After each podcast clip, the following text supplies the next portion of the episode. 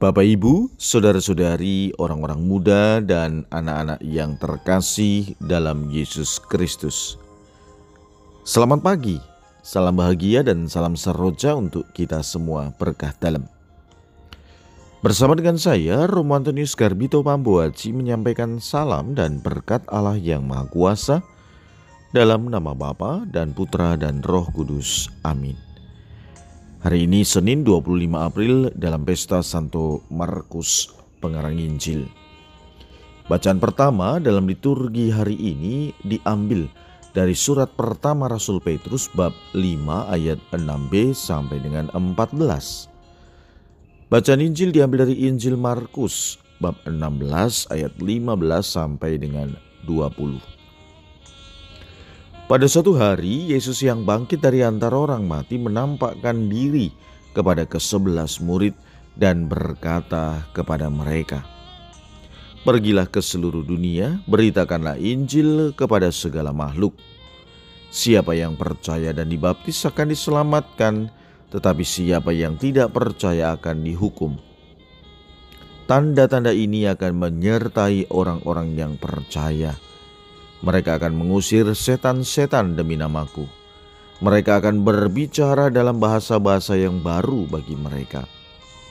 Mereka akan memegang ular, dan sekalipun minum racun maut, mereka tidak akan mendapat celaka. Mereka akan meletakkan tangannya atas orang sakit, dan orang itu akan sembuh. Sesudah berbicara demikian kepada mereka, terangkatlah Tuhan Yesus ke surga lalu duduk di sebelah kanan Allah. Maka pergilah para murid memberitakan Injil ke segala penjuru dan Tuhan turut bekerja dan meneguhkan firman itu dengan tanda-tanda yang menyertainya. Demikianlah sabda Tuhan. Terpujilah Kristus. Bapak, ibu, saudara-saudari yang terkasih, sebagai inspirasi permenungan kita hari ini, saya akan mengutip kembali Injil hari ini. Pergilah ke seluruh dunia, beritakanlah Injil kepada segala makhluk. Maka pergilah para murid memberitakan Injil ke segala penjuru. Saudara-saudari yang terkasih, apa yang disabdakan oleh Tuhan Yesus kepada para murid, para murid melaksanakannya. Perintah ini bukan hanya berlaku bagi mereka, tetapi saat ini perintah ini berlaku bagi gereja. Seringkali kita bertanya, gimana caranya kita mewartakan Injil. Gimana caranya kita mewartakan kabar baik? Pertama, kalau kita mau mewartakan Injil yang berarti kabar baik, berarti kita sendiri harus sudah menerima pewartaan itu dan mengalami sukacita karena pewartaan itu saudara-saudari. Cara untuk mewartakan Injil banyak. Tetapi sering kali kita tidak menyadari bahwa kita telah melakukannya. Misalnya, ketika kita mengajar, ketika kita memberikan diri untuk melayani dengan sukarela, bukan hanya di gereja, tetapi di masyarakat.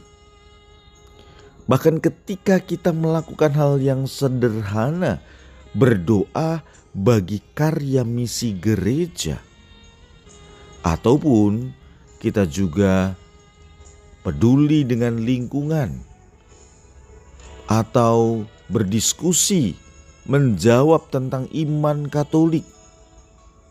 Ini semua adalah bentuk-bentuk bagaimana kita diajak atau pernah melakukan pewartaan kabar baik itu. Tetapi sering kali kita belum atau tidak menyadari. Maka yang dibutuhkan adalah kita membuka hati kita. Kita percaya bahwa pewartaan Injil yang telah kita lakukan itu, kegiatan-kegiatan yang kita buat itu semuanya atas kehendak Tuhan. Kita tidak perlu takut. Kita harus percaya karena janji Allah akan menyertai kita. Nah, saudara-saudari yang terkasih, karena tugas ini melekat pada diri kita, maka marilah kita melaksanakannya atau tetap melaksanakannya, tetapi juga menyadari dengan sepenuh hati dan dengan sukarela. Marilah kita berdoa Allah Bapa yang penuh kasih, kami bersyukur bahwa kami boleh tetap mewartakan kabar sukacita. Semoga Engkau tetap menyertai kami. Berkat Allah yang Maha Kuasa, dalam nama Bapa dan Putra dan Roh Kudus. Amin. Bapak Ibu, saudara-saudari, orang-orang muda dan anak-anak yang terkasih dalam Yesus Kristus. Selamat pagi, salam bahagia dan salam seroja untuk kita semua berkah dalam. Bersama dengan saya, Romo Antonius Garbito Pambuaci menyampaikan salam dan berkat Allah yang Maha Kuasa dalam nama Bapa dan Putra dan Roh Kudus. Amin. Hari ini Senin 25 April dalam pesta Santo Markus pengarang Injil.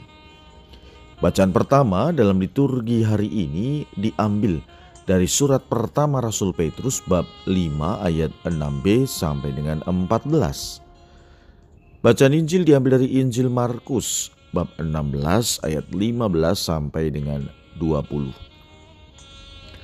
Pada suatu hari, Yesus yang bangkit dari antara orang mati menampakkan diri kepada kesebelas murid dan berkata kepada mereka, Pergilah ke seluruh dunia, beritakanlah Injil kepada segala makhluk. Siapa yang percaya dan dibaptis akan diselamatkan, tetapi siapa yang tidak percaya akan dihukum. Tanda-tanda ini akan menyertai orang-orang yang percaya mereka akan mengusir setan-setan demi namaku. Mereka akan berbicara dalam bahasa-bahasa yang baru bagi mereka. Mereka akan memegang ular, dan sekalipun minum racun maut, mereka tidak akan mendapat celaka. Mereka akan meletakkan tangannya atas orang sakit, dan orang itu akan sembuh. Sesudah berbicara demikian kepada mereka, terangkatlah Tuhan Yesus ke surga lalu duduk di sebelah kanan Allah. Maka pergilah para murid memberitakan Injil ke segala penjuru dan Tuhan turut bekerja dan meneguhkan firman itu dengan tanda-tanda yang menyertainya. Demikianlah sabda Tuhan. Terpujilah Kristus. Bapak, ibu, saudara-saudari yang terkasih, sebagai inspirasi permenungan kita hari ini, saya akan mengutip kembali Injil hari ini. Pergilah ke seluruh dunia, beritakanlah Injil kepada segala makhluk. Maka pergilah para murid memberitakan Injil ke segala penjuru. Saudara-saudari yang terkasih, apa yang disabdakan oleh Tuhan Yesus kepada para murid, para murid melaksanakannya. Perintah ini bukan hanya berlaku bagi mereka, tetapi saat ini perintah ini berlaku bagi gereja. Seringkali kita bertanya, gimana caranya kita mewartakan Injil. Gimana caranya kita mewartakan kabar baik? Pertama, kalau kita mau mewartakan Injil yang berarti kabar baik, berarti kita sendiri harus sudah menerima pewartaan itu dan mengalami sukacita karena pewartaan itu. Saudara-saudari, cara untuk mewartakan Injil banyak, tetapi sering kali kita tidak menyadari bahwa kita telah melakukannya. Misalnya, ketika kita mengajar, ketika kita memberikan diri untuk melayani dengan sukarela, bukan hanya di gereja, tetapi di masyarakat. Bahkan ketika kita melakukan hal yang sederhana, berdoa bagi karya misi gereja, ataupun kita juga peduli dengan lingkungan atau berdiskusi menjawab tentang iman Katolik.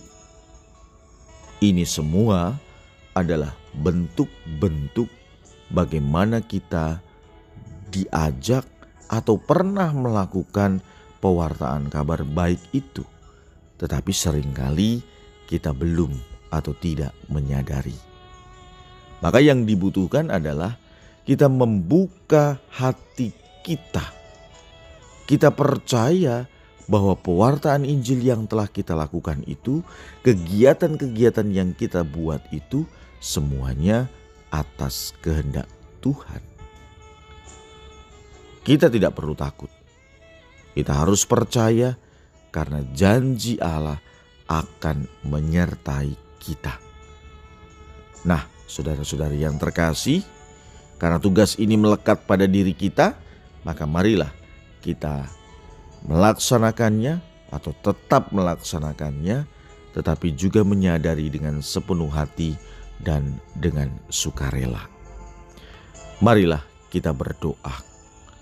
Allah Bapa yang penuh kasih, kami bersyukur bahwa kami boleh tetap mewartakan kabar sukacita.